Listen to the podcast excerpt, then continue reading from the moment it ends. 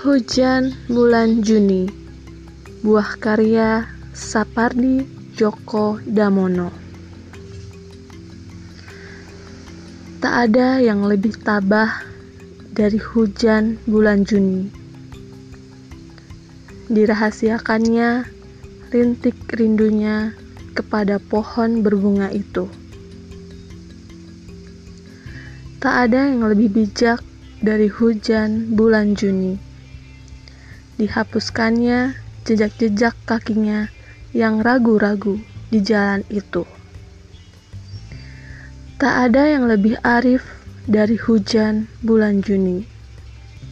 Dibiarkannya yang tak terucapkan diserap akar pohon bunga itu.